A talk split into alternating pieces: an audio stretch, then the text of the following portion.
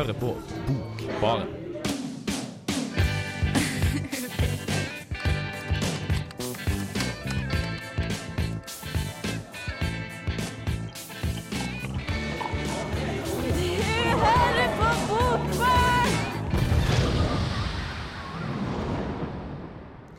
Hei og velkommen til Bokbarn. Mitt navn er Johannes Hesse Mystad, og i dag så skal vi snakke om gjenfortelling i litteraturen.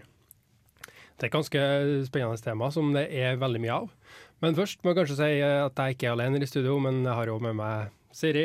Hallo, Siri. Hei, hei. Går det bra? Det går fint, ja. Mm. Og ikke bare det, vi har òg en gjest. Og det er, Du kan vil kanskje presentere deg sjøl?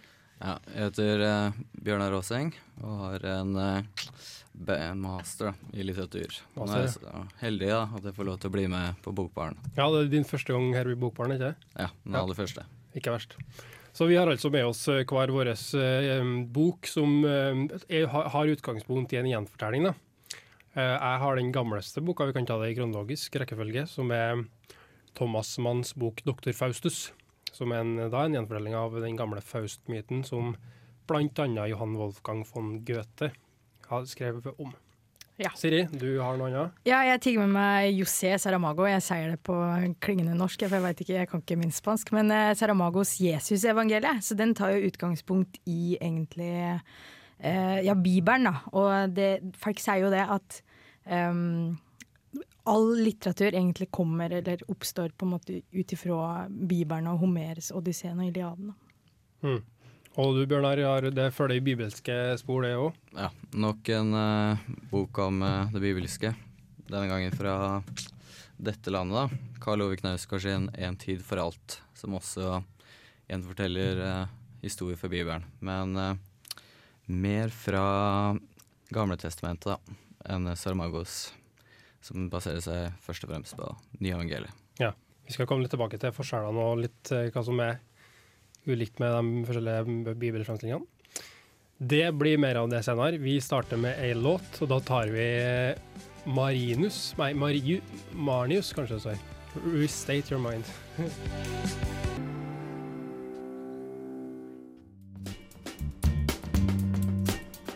Hei, jeg heter Arild Wange og hører på Bokbaren hver tirsdag for å holde meg oppdatert på hva som skjer i litteraturen her til lands og ellers i verden.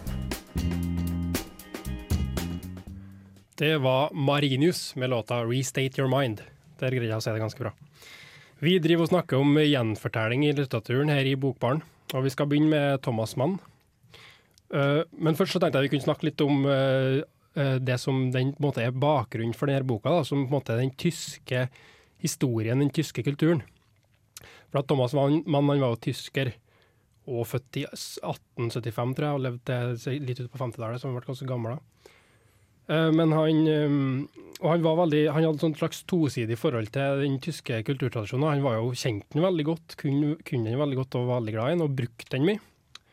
Og hadde referanser til den og parodierte den, men han hadde også et ironisk forhold til den. da. At han ja, distanserte seg litt. Og han sa jo blant annet da han kom til som eh, hva heter det, altså emigrant til USA, så fikk han et spørsmål om, hva, om det med den tyske kulturen. Da, så, så sa han det at uh, Where I am, there is Germany. Så litt sånn ironisk, eh, da. Men han hadde kanskje litt store baller, og samtidig som han uh, mm, så seg sjøl som en representant for den kulturen. da. Han er vel òg regna kanskje som en av de på en måte, største tyske modernister. Mm. Ja, det må vi kanskje si. Og en av de mest uh, populære òg. Ja. Var jo mer velkjent enn eh, mange av de som vi regner for eh, de store modernistene på den tida. Jeg mener at han var det i samtida, eller at han er borte I, etter? Ja. eh, sam, I sin samtid, ja. Ja, ja, ja. Han var en verdensberømthet i samtida. Det var jo, så vidt jeg har skjønt, var det veldig stort. I USA også så fikk han et ganske stort navn, da. Så han, var kanskje, han var egentlig ganske kjent, da. Men eh, altså, han kan jo nevne noen eksempler han bruker den tyske litteraturtradisjonen. For eksempel så har han jo 'Trolldomsfjellet'. Det er kanskje hans mest kjente roman. Du har lest den? eh? For Den er jo hakket lengre, tror jeg, enn eh, Dr. Faustus. Den eh, norske utgaven er vel 700 sider. Skikkelig murstein. Ja, det er en eh, veldig murstein. Ja, og der, og der bruker en jo litt det her, det er en sånn intertekstualitet med Goethes uh, Wilhelm Meisters læreår, som begge er en slags dannelsesroman, men der Goethe både har tru på hovedpersonen og liksom lar den finne sin plass i samfunnet etter å ha vært ute i verden, da. Mm. Så, så er det omvendt hos uh, mann. Ja, fordi uh, mann viser jo hvor uh, lite nyttig da dannelse er i da, sceneborgerskapet da, som han befinner seg i. Altså på starten av 1900-tallet vi snakker da. Ja. Og det er jo først når uh, krigen bryter ut, da, at uh, hovedkarakteren helt tatt finner sin mening med livet. Som er Gå uh, kjempe da, for Tyskland og fullbyrde, den skjebnen som det Tyskland har. Akkurat. Thomas Mann var jo Nå har jeg skrevet etter krigen, men han uttalte jo når krigen brøt ut, da, at det var godt, da. Sublimt. At det endelig skjedde noe da, som brøt opp Mm. monotonien. da. Men han, altså, han, det er en blodig ironi der da, at liksom, dannelser fører bare til at han blir krigsoffer. Da. Um, kan jo nevne at den, sånn som Thomas Mann så det da, så var den tyske kulturen en ganske gammel kultur som strekte seg helt tilbake til før årtusen. Men vi har jo renessansekunstnere som Dyrer Dürer og uh, altså maleren Dyreren og, og, og Gutenberg, han uh, som oppfant trykkehuset, var tysker, var han ikke? Uh, jo. Ja. Og de eh, første biblene som ble oversatt til eh, vanlige, moderne språk, da, var jo også Luther sin bibel. Og engelskmennene fylte jo 50 år etterpå, eller hva da? Mm. Men apropos det reformasjonen, altså, det er også veldig trekker um, Thomas Mann da, fram som viktig i den tyske kulturen, for der får du en slags eh, vending med han da, fra altså, um, en slags um, hva skal vi si, universalisme, før det at man var mer orientert utover. da, Mens etter det så mener Thomas Mann at eh, Jeg vet ikke hvorfor han mener at det er særlig for tyskerne, for reformasjonen skjedde jo flere land, men han mener i hvert fall at tyskerne da fikk en særlig vending innover. da, At de ble veldig inderlige og på en måte oppet, opp- opptatt av eh, sitt eget subjekt. Noe som forsterka seg utover den tyske kulturtradisjonen med romantikken. Mm. Ja, det var jo protestantens da. holdning til religion er jo betraktelig annerledes da, enn katolikkene. Eh, Luther er jo kjent for å ha sagt at eh, man skal tro gjennom troen alene. Og det var jo ble veldig innflytelsesrikt, spesielt sånne steder som Sveits, da, med Calvin. Mm. Så har du jo altså, bare det at man måte, alle har sitt personlige forhold til Gud. da. Det er en veldig betoning av individet. Mm, Utafor eh, institusjoner da, som kirka. Så kan jo nevnes den tyske musikken, da, som på en måte Dr. Faustus' eh, roman til Thomas Mann spiller veldig mye rundt, da, i og med at hovedpersonen er komponist. Så den, tyske musikken er jo en veldig rik eh, tradisjon som har fått veldig stor betydning for den klassiske musikktradisjonen. Sånn som altså Bach er jo på en måte opphavet til nesten alt. Og så har du Beethoven, og så har du Wagner og sånne typer. da. Så det er veldig mye det er, veldig, det er en veldig rik kulturtradisjon da, som, de, som Thomas Mann gjør bruk av å spille av her. Mm. Og under første verdenskrig, da, som, du, som vi nevnte litt i stad, Bjørnar, med, med Trolldomsfjellet, så, så trekker Thomas Mann fram det her at eh, han gjør en kobling da, mellom gjennombruddet i musikken, som var på en måte, fra tonaliteten i, i tradisjonen og til det um, atonale med Schönberg osv. At det er et slags gjennombrudd som man sammenligner med det tyske gjennombruddet. altså det, Tyskerne håpa jo under, før og under første verdenskrig at det skulle bli det tyske gjennombruddet. At det, det skulle måte bli dem, skulle bli det store, nye europeiske supermakten. Mm. Og den var jo også den svakeste av eh, i hvert fall de som hadde kortest tid, altså stormakt. Og den ble jo Tyskland som et eh, land ble jo først forent veldig sent, da. Mm. Så de hadde jo sånn sett en god del å bevise, da. Selv om tysk kultur hadde vært et forbilde lenge. Og nå er vi inne på den diskusjonen som eh, Thomas Mann tar opp i Doktor Dr. Faustus, da. Med altså Tysklands eh, store håp og eh, måten de tenkte å um, gjøre det på. Og det skal vi snakke mer om etter eh, neste låt, som er 'Cancer' med 'Die One More Time'. Vi driver og snakker om eh, gjenfortelling av litteraturen her i Bokbaren, og det første, første post på programmet er Thomas Manns 'Doktor Faustus'. Det er jo, den er jo basert i en um, slags folkemyte, som, eh, altså om Faust-myten. Uh, hva kan vi si om den? Dere har jo begge to lest uh, eh, Goethes eh, Faust. Ja. Eh, Det er jo en sånn Et eksempel på en eh, person som eh, gjerne samvirker med djevelen.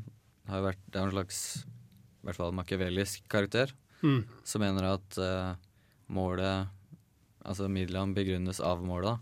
Mm. Så han måtte gå, gå inn i en pakt med djevelen om at uh, djevelen skal um, kjede han i det, det, altså det menneskelige, jordlige livet. da. Så til gjengjeld så skal djevelen få hans sjel etter døden. Mm. Det er på en måte hovedsaken i, i, i den eh, pakten. da. Mhm. Det startet jeg kom på noe, egentlig. Det, du finner jo det samme i norsk kultur. Hva heter den fanitullen? Det er jo litt samme at den, man har lært å spille av jævelen osv. Ja, Men ja. Gamle-Erik. Er ja. Mhm. Men så Det er jo basisen for Thomas Manns i bok. da, og um, Vi slutta forrige stikk på å snakke om det her med um, Tysklands syn på seg sjøl og den tyske kulturen i forbindelse med første verdenskrig. Og um, at de så på som at de ville ha et tysk gjennombrudd, at Tyskland skulle bli den store nasjonen. Så det Thomas Mann gjør kan vi si, i denne boka, her, da, å fortelle både historier om den tyske kulturen, men òg om Tyskland sitt håp på begynnelsen av 1900-tallet, med de to verdenskrigene i forbindelse med han er, hans hovedkarakter da, i, i romanen 'Dr. Fastus', en komponist som heter Adrian Leverkin, Som begynte å komponere i, altså i tradisjonell musikkstil, men som eh, ved hjelp av et eh, gjennombrudd til tolvtonestil, altså helt eh, koko-musikk som ikke har noe på en måte Det høres ikke Det er ikke basert i spenning og avspenning, sånn som tradisjonell musikk er. da. Og, og sammenligne på en måte det her gjennombruddet da med, med gjennombruddet til den tyske kulturen, da, som skal bli altså akkurat som England og Frankrike og Spania har hatt sine storhetstider, så tenkte tyskerne seg, ifølge Thomas Manns framstilling, at eh, den tyske kulturen òg skulle få det. Det gikk jo da ikke helt som eh, de hadde tenkt. Det, mm, Tyskland tapte jo første verdenskrig. Og det la kanskje noe av eh, Det ga jo da grobunn til bitre følelser som gjorde at de ville hevde seg enda mer, kanskje, fram mot, fram mot um, andre verdenskrig. Så Adrian Levekin, som er hovedkarakteren, er basert på to, eh, to eh, kunstnere som vi snakka litt om eh, her i stad. Det er jo eh, Nietzsche, men òg Arnold Schönberg. Dere er jo sikkert Nietzsche-eksperter. som er litteratur. Ja, jeg har i hvert fall lest det meste. Ja, altså, det er frem til hva var det som skjedde med Nietzsche som måte, altså hans sykdomshistorie. da. Ja, Nietzsche fikk jo syfilis da, i ganske tidlig alder. Og så led han med det her hele livet helt til han ble gal Mm. og omfavna hest på gata. Det er så bra. det. Ja, han forvilla seg inn på et horehus og fikk uh, syfilis. ikke det som er... Jo, han studerte studerte også musikk i, det, ja. i den tida. Ok, ja, Men det er det samme som skjer med Levkin. Altså, at han eh, får uh, syfilis av hore og blir syk. da. Så det er en slags sammenkobling mellom den her kunstneriske genialiteten da, og sykdom. da. Som uh, Thomas Mann også ser som en slags trope i kunsthistorien. da. Eh, og Arnold Schönberg, han var som vi nevnte, en eh, komponist som på han, det hovedpoenget med å ta med han, er at han var den som eh, skapte gjennombruddet og, og laga ny musikk. Så Adrian Levikin, da, som er hovedpersonen, ja, det har jeg sagt tre ganger sikkert, han, han blir en slags allegori på Tyskland sitt fall. Altså med gjennom den her å bli smitta av sykdommen, da, syfilis i personens tilfelle, men i, altså i folkets tilfelle er det jo den her, den her altså nazistiske ideene og propagandaen. da. Ja, for jeg tenkte innledningsvis, når du begynte å innlede, at det kanskje var snakk om et slags sånn nesten nasjonalt romantisk prosjekt, men det er egentlig en forfallshistorie.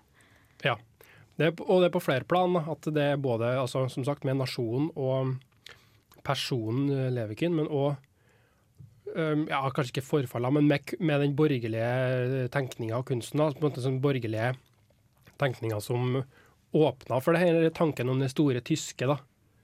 At det på en måte var kanskje det som gjorde at tyskerne, eh, med en Thomas Mann, da, er viktig, da, tenkte så høyt om seg sjøl og ville så dominere så sterkt. da. Mm. Mm. Og det er jo også et eksplisitt eh, tema hos Nietzsche. At uh, man må liksom oppnå storhet, da. Det er det samtida mangler mest av. Så det ble jo Nietzsche var jo også veldig populær, da. Så han var jo mange som eh, delte den oppfatninga. At man eh, trengte noe bedre. Så det ble både misforstått øh, og i tillegg. Ja. Veldig godt poeng. Nå skal vi snart over til um, den boka som øh, du sier har med deg. Ja. Saramago. Det, ja, og der skal vi jo møte en gud som er veldig, veldig gira på å oppnå storhet eh, på bekostning av egentlig hele verden. Ja.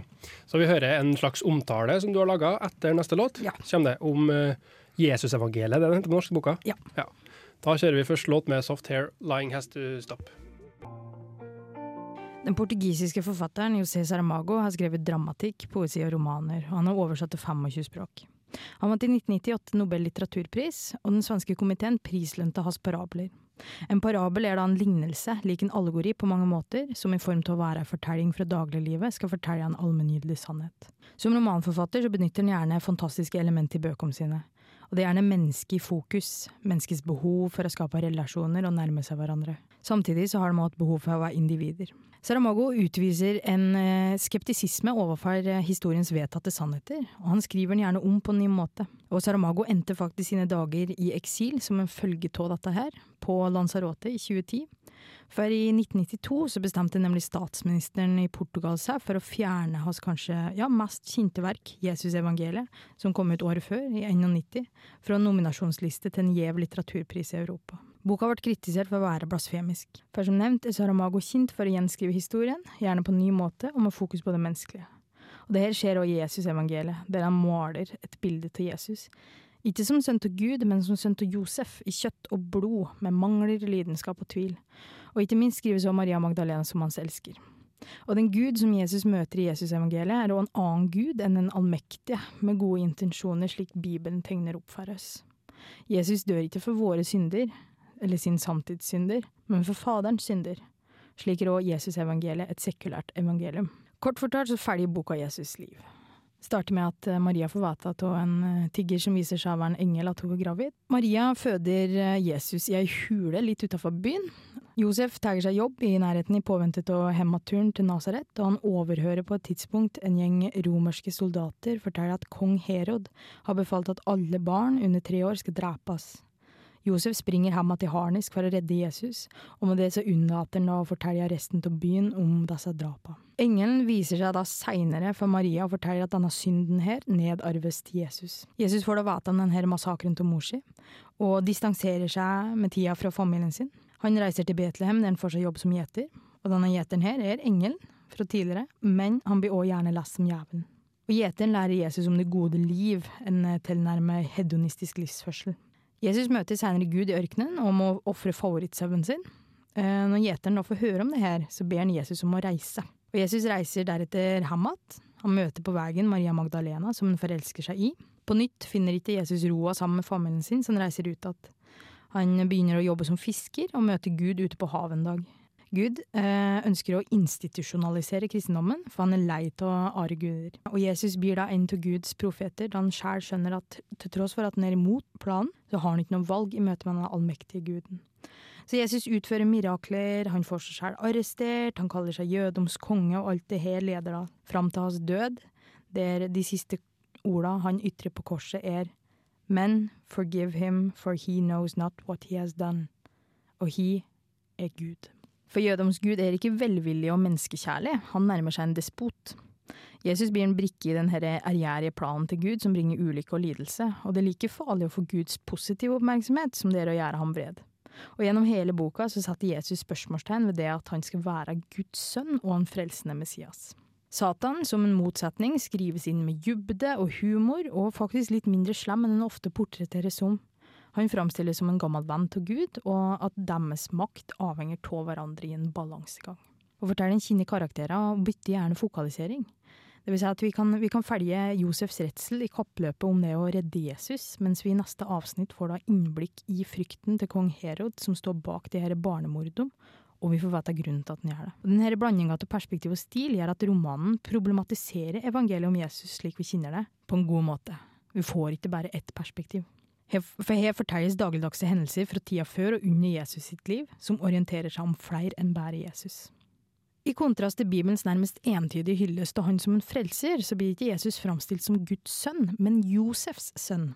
Han lever åpent i et seksuelt forhold med Maria Magdalena, og han behandler henne som en likeverdig, i motsetning til de her særs patriarkalske familiestrukturene som preger samtida øvrig, og Jesus sin egen familie. Kort oppsummert så kan vi si at Jesusevangeliet framstiller de aspektum ved Jesu liv som ofte blir neglisjert i Bibelens framstillinger, og stiller samtidig spørsmål til Gud og religion, og den hyklerske og undertrykkende naturen ved de her to. Saramago skriver historien på en ny måte. For Gud i Jesusevangeliet er en arrogant og overmodig Gud, og Jesus er Josefs sønn. Eh, Ja, jeg heter Dag Solstad, og dere hører nå på Bokbaren, og der er altså jeg. Vi har gått over til Saramago og hans eh, bok 'Jesusevangeliet'. Ja. Det, altså det, jeg har ikke lest den boka, her, så nå har jeg prata mye, så kan jeg holde kjeft litt, og så kan jeg si og gi, over, gi ordet over til dere, som begge har eh, lest den. Stemmer ikke det, Bjørnar? Eh, jo. Ja. Jeg har eh, lest en del av Saramago. Og den ligner jo, men så er den jo veldig ulik, da. Eh, mange av de andre romanene han har skrevet. Saramago, hva her Ja. syntes du om Jesusevangeliet? Ja, den er jo veldig flott, da. Ja. Den er vel, er vel en av de morsomste bøkene han har. Men så er det jo også en av de som er eh, skarpest, da. I um, satiren over uh, religionens funksjon, da. Og hva det betyr, da, for mennesket. Vi prøver å vise eh, noen av de menneskelige betydningene, da. Og ikke minst ofrene. Noe mennesker må gjøre for å noe skal oppfattes guddommelig. Ja, for her tenker du om den eh, Altså, vi hørte jo forrige stekk nå noen tanker jeg har gjort meg opp om boka. Eh, her tenker du om den guden som males fram av Saramago i Jesus evangeliet? Han er jo Han er jo en veldig stor idiot, eller eventuelt en despot, da, hvis man skal formulere seg et bedre. Eh, fordi Gud har jo fremstilles ikke som eh, en veldig kjærlig far eller noe sånt. Han er jo en opportunist som eh, tar eh, som tar og bruker da Jesus på, som et propagandaverktøy da, for å spre da, den eh, kristne tro. For ja, Saramago er jo veldig eksplisitt. Da. Han legger jo ord i Guds munn. Han sier jo eh, en av de begrunnelsene da, til Gud at Jesus må ofres, er fordi han er drittlei av å bare å tilbes av jødene. Ja. Og han vil ha mye større skareflokk i millioner, som han kaller for katolikkene. Mm. Som er også det man tror på i Saramago sitt land. Er det sånn at eh, han på en måte er litt sånn spottende, eller eh, han gjør litt narr av eller er det sånn- en ateistisk eh, bok, eller hvordan? Det er nok eh, begge deler. Saramago er definitivt en eh, ateist. Han er jo hadde marxistiske sympatier, blant annet, og veldig opptatt av eh, enkeltmennesket i liksom eh, anonyme modernitetsposisjoner, da. Han skrev eh, et tema som han går eh, rundt om mange ganger. Så han vil eh, Han har jo en veldig stor medfølelse da, med det enkelte mennesket, men samtidig så gjør han jo narr av liksom de tida han befinner seg i. Da måtte modernitetens mest brukte motiv det er kanskje med måte, den eh, anonyme helten. da. Mhm. Um, Men, kan, ja. ja, Vi møter jo på en måte ikke en anonym helt her heller. Det handler jo mer om å ja, som vi prata litt om i pausa, det med å nedtone det som er sånn spesielt guddommelig ved Jesus. Det at Jesus blir heller et propagandaverktøy. Og det å komme ganske tydelig fram i det For vi kjenner jo juleevangeliet. Eh, de aller fleste har sikkert en eller annen gang opp igjennom følt litt på medynk med Josef og Maria idet de kommer togene inn og ikke får, finner, noe, finner noe, en plass å, å sæve, da. For eh, dama er jo åpenbart høygravid. Men det Saramago også gjør, er at han viser at Josef og Maria er bare ett par i mengden, og Jesus er bare en unge blant så mange, da. Mm. Og han tematiserer jo veldig tydelig den historiske tida det befinner seg i. Han har jo en utlegning om eh, Herod, blant annet. Ja. Viser hvordan han, hvorfor det gikk så ga galt med han. da. Og også romerne sin plass da, i historien her. Men det er jo mesterlig utført, syns jeg. For det den her forfatter... For, nei, unnskyld, fortelleren skifter jo fokaliseringsinstans. Altså den går inn i de forskjellige folka. Så du, du, du hører jo Du får jo utlagt her Herod mener. Du får utlagt her Jesus og Josef mener, ikke sant. Mm. Vi skal fortsette etter ei eh, neste låt og prate mer om litt om bibelske historier og gudsframstilling. Men før det så hører vi Justice med Randy.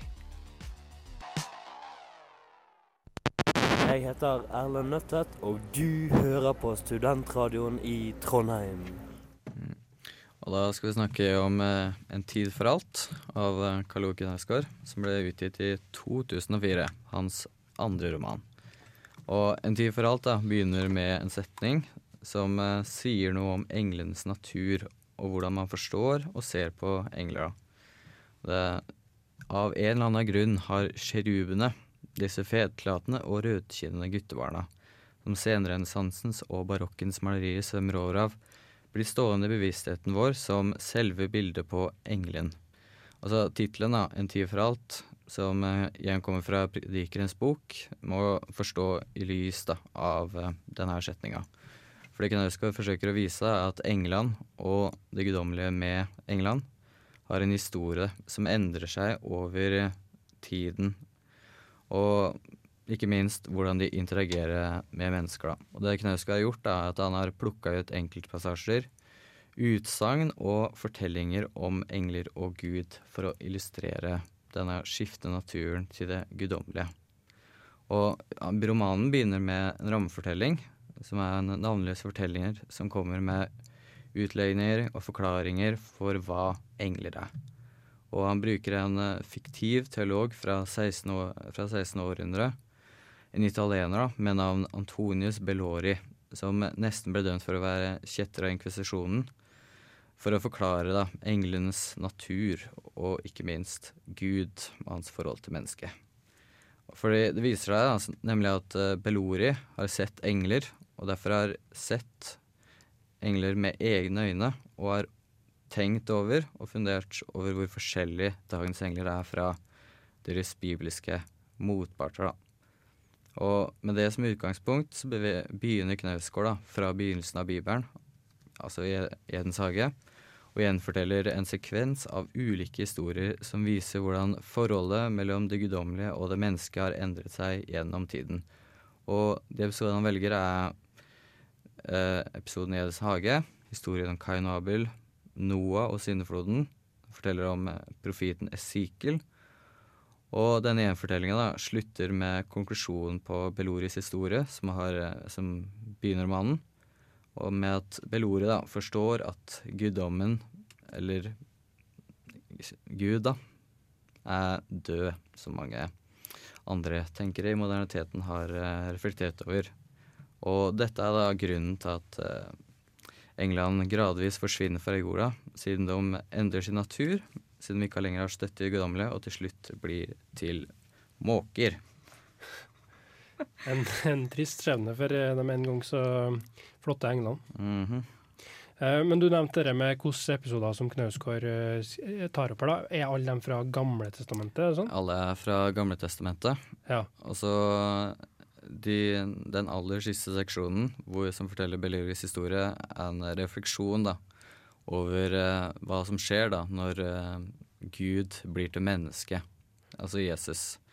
Fordi i hvert fall Knausgård sin uh, tese er jo at Jesus bokstavelig talt ble til menneske, og at han derfor døde. Mm. Så det er på en måte, så Knausgård um, altså setter et skille der på, mellom Det gamle og Det nye testamentet. Mm. Men er det da sånn at uh, fra og med Jesus da, og Det nye testamentet for 2000 år siden, så ser han det på en måte som da én bevegelse da, fram mot i dag? Mm, og det er en grunn til at han eh, sier at sjeruban er bildet på vårt bilde på engler, for det var ikke sånn tidligere. Men Sjeruban er det som gjenstår. Da. De krymper da, bokstavelig talt til til små guttebarn, og til slutt til måker. Ja, for du nevnte jo i teksten her, men bare for å, bare for å vektlegge det jeg, husker, jeg, lest, for jeg har lest halve den boka, her, jeg kom ikke gjennom, men da jeg leste det med kjeruba, så var det litt sånn uh, rart, for det var ikke et ord jeg var kjent med. Men det er mm. altså engler da, som uh, er framstilt i kunsten, ja. som guttebarn, som du sier. Ja, som det, veldig typisk. Hvordan tid var det? Ja. Husker du det? Uh, det er, det er helt fra Det er senrenessansen og barokken. Ja. Men det er vel noe med det, altså grunnen til at det Esekiel eh, er tatt med her, er jo for å vise at det Kjerubom gjerne Den framstillinga som at de med fetladende guttebarn da, mm. gjerne bryter veldig med slik de, eh, slik de er framstilt hos Esekiel, med vel fire huer, løve, ørn, øh, menneske hun er Ja. siste, det husker jeg ikke. Okse? Ja. Ja, og, og hjul og vinger med Mm. øver. Det er jo Altså- helt fantastisk. Ja, de var jo fremstilles det er som veldig mektige, da. Mens kjeruber da, er jo lekne og lette, og de stjeler jo mat, da, bokstavelig talt, for å holde seg i live. Så det er jo en betydelig forskjell da, fra den tida og den tida etter Jesus sin død, da. Så framstillinga av englene har sammenheng med gudssynet, da. Mm. Og da og vårt forhold til det guddommelige. Mm. Mm. Han eh, tar opp et um, veldig klassisk tema, da, at uh, at vi bor i et sekulært uh, samfunn som ikke har noe tilgang til Gud. Og det er også noe som uh, tematiseres ganske tydelig i romanens siste seksjon. For da får vi vite at den navnløse fortelleren da, fra begynnelsen av er jo ingen andre enn Henrik Wankel, da, fortelleren fra Knausgårds første roman, 'Ut av verden'. Som da har endt med å rømme til en nesten forlatt øy, og som eh, tenker over da, de valgene han har tatt i den første romanen. Hvilke valg er det? Ja, det er jo eh, den, den klassiske En av de siste tabuene, pedofili. Ja. Og han eh, Da er det veldig tydelig, sånn som han er situert, at han befinner seg i et veldig sekulært Norge som ikke har noen eh, annet sted å henvende seg til. Det guddommelige er jo utilgjengelig for hans del. Mm. Hvis den første romanen handler om å være, komme ut av verden, så er noe her i, låst i denne verden. Uten Gud. Uten Gud. Sånn er det. Da hører vi en låt eh, til. Det er Young Dreams med Off The City. Jeg heter Anne B. Ragde og er forfatter. Og når man er forfatter, så hører man selvsagt på Bokbaren så ofte man har anledning. Det var Anne Bragde det, og her i Bokbaren har vi derimot bevega oss fra Thomas Mann og til Saramago. Han er vel portugiser, henne. Han er portugisisk, ja. Altså Tyskland og Portugal, og tilbake helt til Norge, da. Og vi har snakka nå sist, eh, som du, Bjørnar, prata om, eh, altså englenes historie. Kjerubene. Mm. Og litt om eh, hvordan vårt gudsbilde har endra seg. Og Mm. dessverre i dag da, så må vi jo konkludere med det at eh, Gud, er- Gud er borte vekk. For de fleste av oss. Fordi- Det er dessverre. Ja, det er vel eh, 80% av oss i hvert fall uh, utafor den troa. Ja, det er det da også folk som er mm, aktive, tenker du på, eller? Ja, det, er- det er vel eh, siste um, stikkprøvene viser vel at det er bare 20% av nordmenn som eh, tror i det hele tatt. Ja. Men det viser jo litt, eh, dok, Deres bøker tematiserer det eksplisitt, men jeg tenker i andre, nesten alle bøker du kan finne, så er jo på en måte eh, religiøse symbol, kristne symbol. Så, sånn som eh, Thomas Mann eller den, Vi snakka om den tyske tradisjonen. Goethe jo veldig, bruker veldig mye den kristne allusjonen og sånt. Ja, og så tror jeg det handler mye om at det, de her kristne verdiene er så godt liksom forankret i samfunnet òg. Og så er det noe med at vi skriver jo gjerne samfunnet slik vi kjenner det òg. Det er jo en av de viktigste grunntekstene og måtene å forstå oss selv på. Det må vi nesten eh, slutte av med det. Det var det vi hadde i Bokbaren eh, i kveld. Siri Auland Bredesen og eh, Bjørnar Aaseng. Johannes Tessemyr heter jeg. Og takk til tekniker Rebekka. Ha det bra.